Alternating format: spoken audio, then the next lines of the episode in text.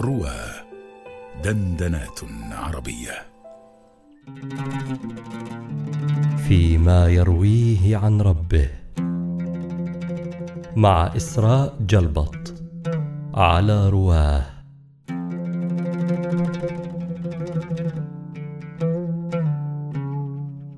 عن أبي الدرداء رضي الله عنه عن رسول الله صلى الله عليه وسلم فيما يرويه عن ربه.